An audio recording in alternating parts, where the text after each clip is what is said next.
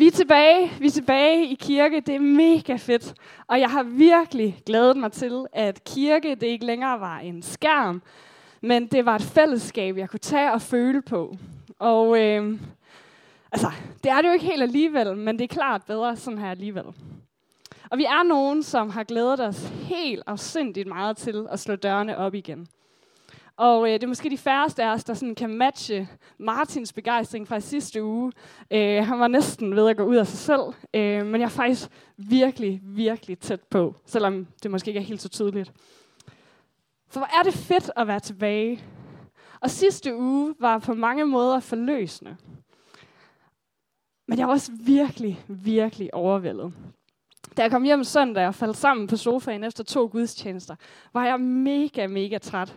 Fordi det var flere mennesker, end jeg nok havde set de sidste tre måneder sammenlagt i løbet af den søndag. Men vi ved, at det er muligt at holde gudstjeneste under de her restriktioner. Vi kan ligesom se, den skimte en normal tilstand ude i horisonten. Men det er alligevel lidt en ambivalent følelse, ikke? Eller sådan har jeg det i hvert fald. En ting er, at vi ikke må kramme, og det er faktisk virkelig, virkelig en udfordring for mig. Men måske er du øh, ligesom mig blevet lidt overvældet af, at hverdagen den lige så stille er begyndt igen. Og forpligtelser, de begynder at melde sig. Måske har du ligesom mig haft lidt svært ved at trække dig selv i gang. Og nu har vi i to måneder ikke haft mulighed for at mødes. Og ja, det har været mega skødt.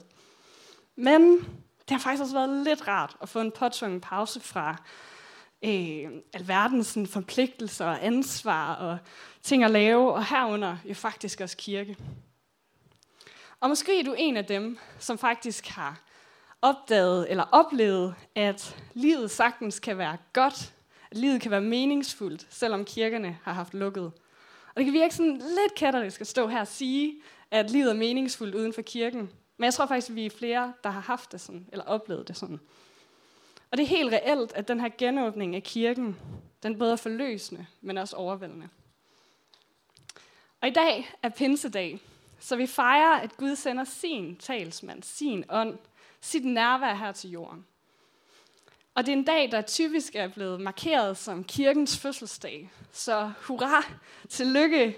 Det er mega stort og mega fedt, at I vil være her og fejre det sammen med os i dag. Men det er også særligt, at på den her markering, at vi sidder nogen, for hvem fødselsdagsbarnet er en lille smule fremmedgjort efter to måneders minimal kontakt. Fremmedgjort over for det nye coronakoncept her. Fremmedgjort over for fællesskabet. Fremmedgjort over for troen måske.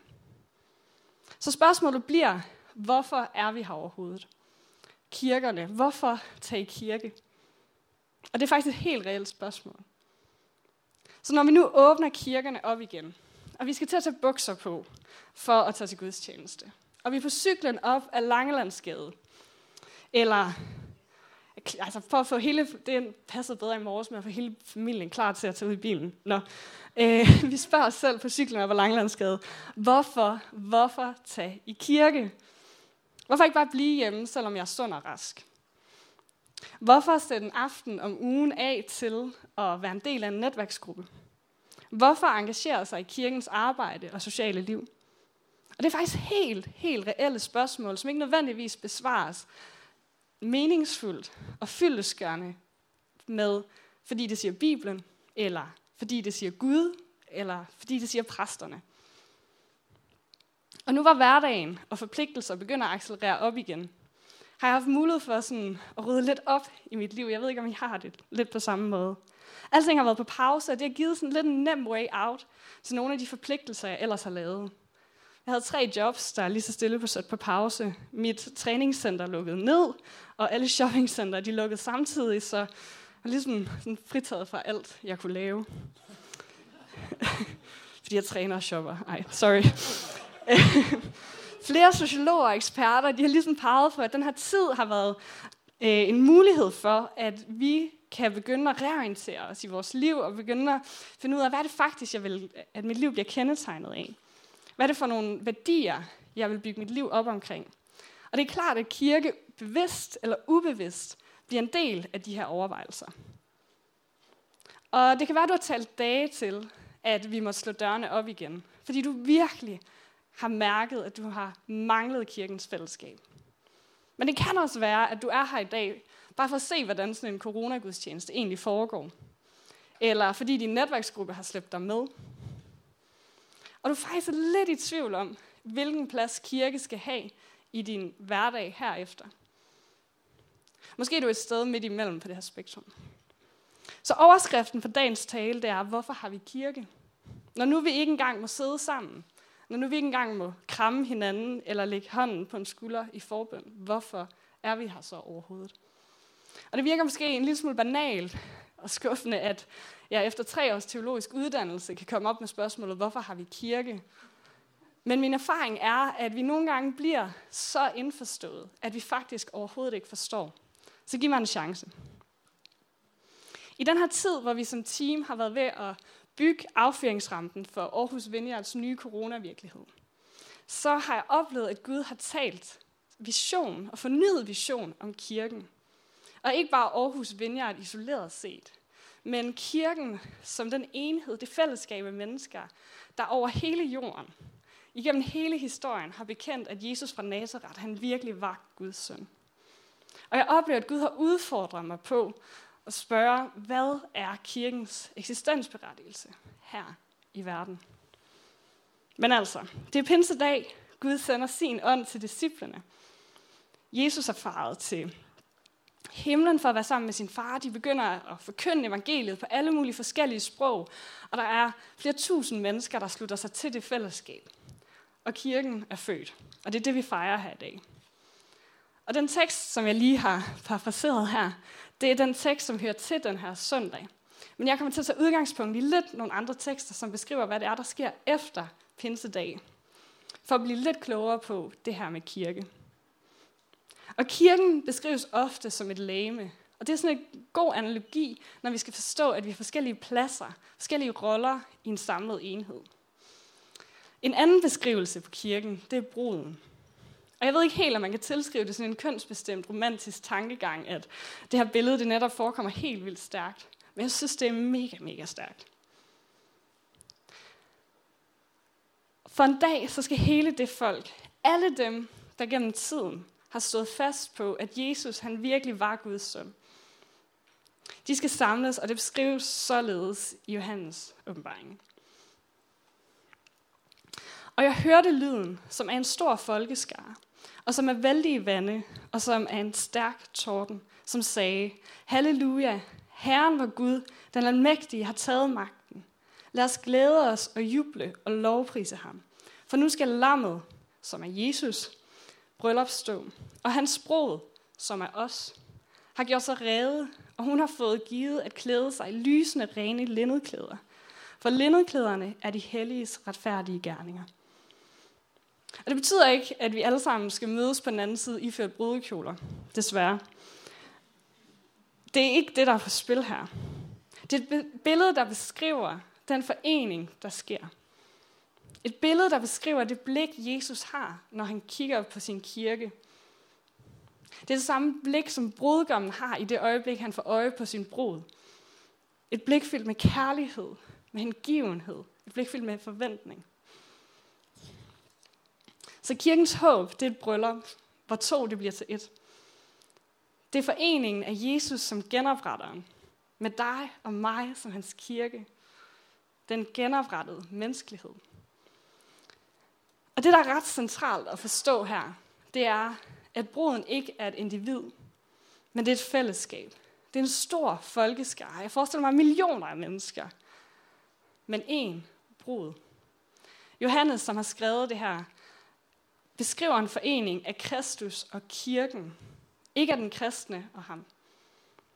Vi bliver som enkeltpersoner med alt, hvad vi er og ikke er, indlandet i et større hele. Vi bliver en del af Guds familie. Vi bliver en del af hans sprog. Og det er heller ikke en bestemt trosretning eller teologisk fløj. Det er én brud. Også selvom, at vi nogle gange kan være uenige øh, om teologiske ting, eller forskellige. Og vi må som kristne, som efterfølger af Jesus, altid forstå os selv i lyset af hans menighed. På samme måde som menigheden kun forstås i lyset af den enkelte kristne. Den tyske teolog Dietrich Bonhoeffer forstår det sådan her. Jesus eksisterer ikke uden sin menighed. De to er altså helt uadskillelige.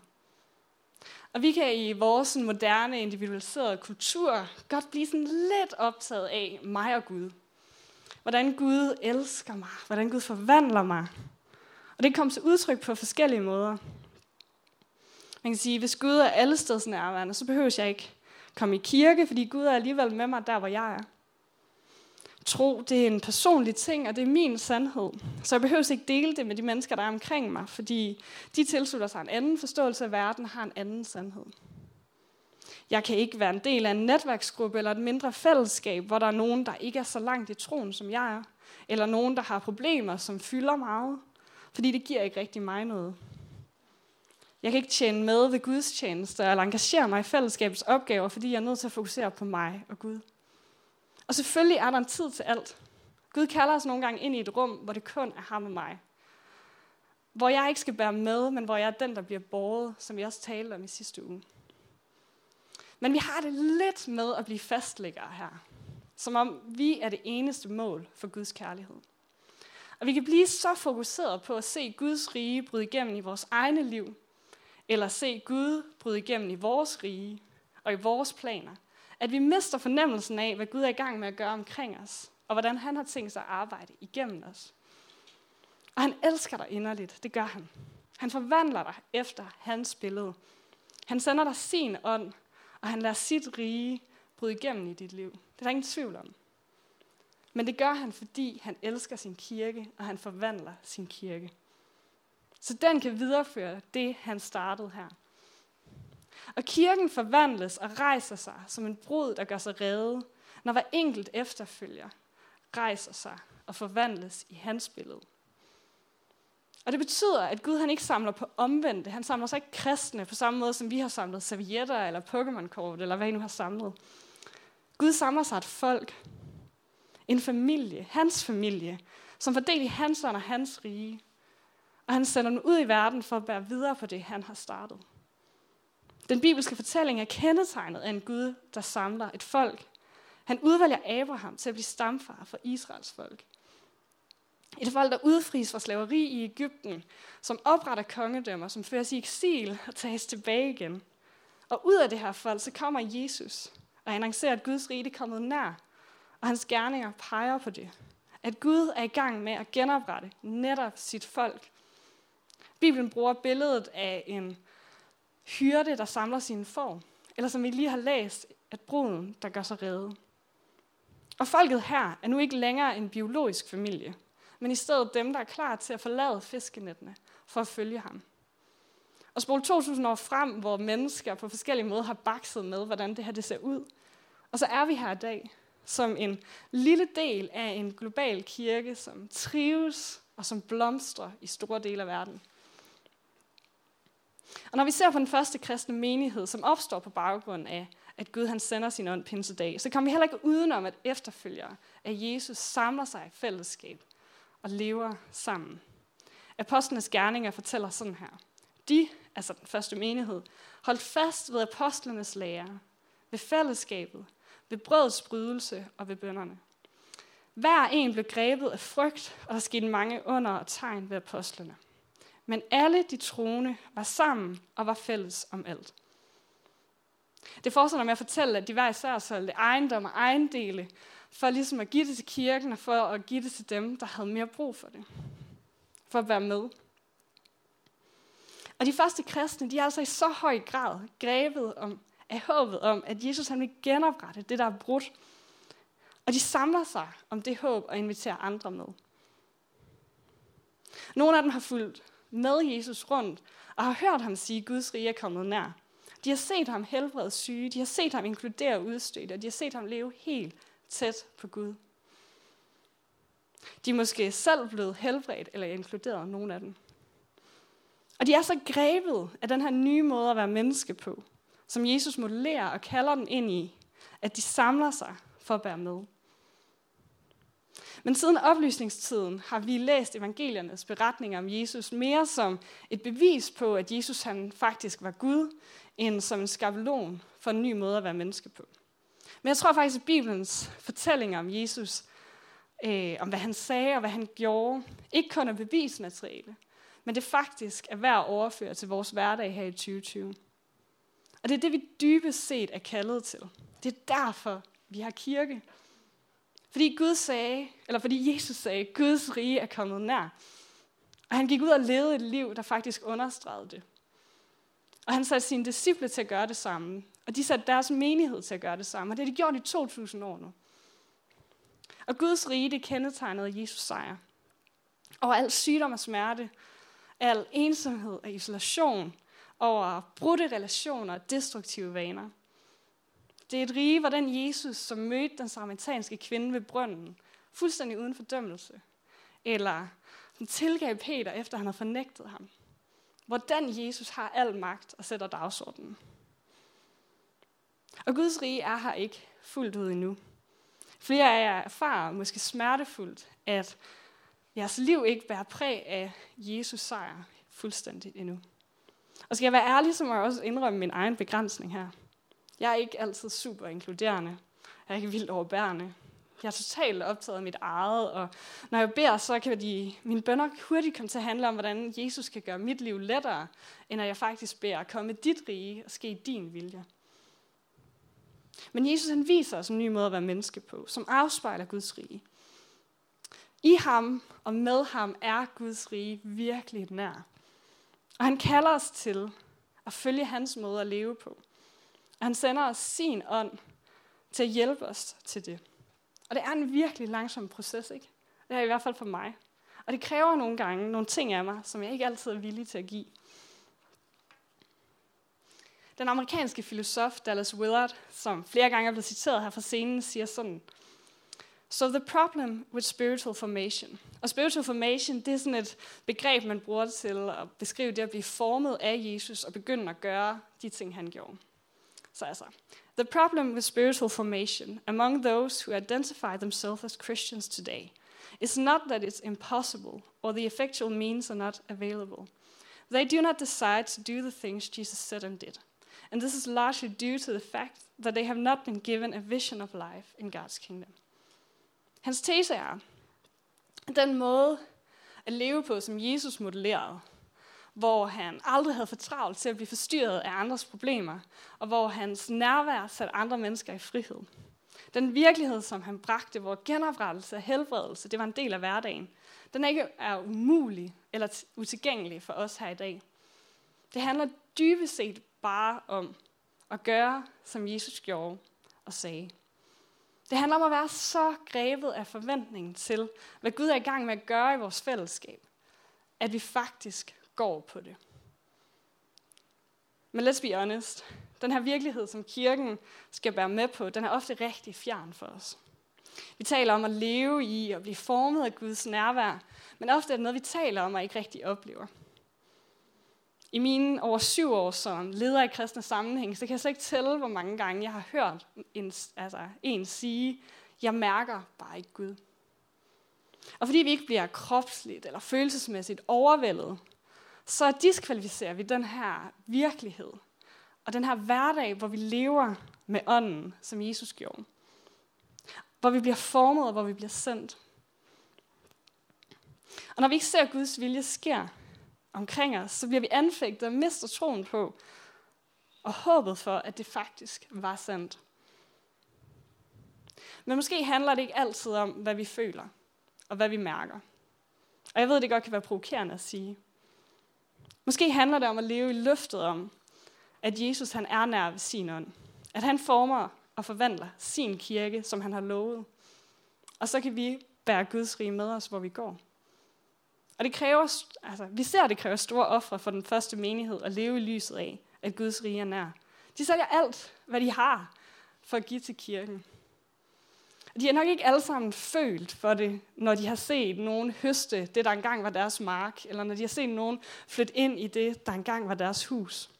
Men de har været så kort op i, hvad Gud var i gang med at gøre, at det alligevel var vigtigere. Og bare rolig, der kommer ikke en indsamlingskur rundt lige om lidt, og det er ikke sådan en, hey, nu skal vi hæve jeres giverbeløb. Det er slet ikke det, det handler om i dag. Det handler om, at Gud han er på spil her i Aarhus, på samme måde som han var på spil i Jerusalem den første pinsedag. Og vi her er kaldet til at bære med. Og det kan hurtigt lyde som et kald til mere aktivitet. Det handler ikke altid om at gøre mere. Det gør det måske for nogle af jer. Men når Jesus kalder os til at leve, som han levede, handler det om, hvordan vi prioriterer vores tid og vores penge. Men det strækker sig også helt ind i vores almindelige liv, hvordan vi bruger sociale medier, vores søvnrytme, vores hvilerytme, vores relationer og sociale liv. Og kirken er et fællesskab af mennesker, som hver dag lever ud fra visionen om, at Guds rige er i gang med at bryde igennem her. Det er ikke kun et søndagsevent, som vi kommer til for lige at få fyldt beholderne op. Og jeg længes efter, at kirken her i 2020, i en post-corona-virkelighed, i endnu højere grad bliver kendetegnet af at være formet af Guds ånd og bære hans rige her til Aarhus. At vi bliver et folk, som er en del af Jesu genoprettede menneskelighed, som lever os, eller som lever, som Jesus viste os, hvor vi elsker, hvor, øh, hvor vi elsker Gud, og vi elsker vores næste. At man kan sige om os her, at vi holder fast ved apostlenes lære, altså Bibelens ord. At vi holder fast ved fællesskabet. At vi holder fast ved brødets brydelse, altså nadvaren. At vi holdt fast ved bønderne.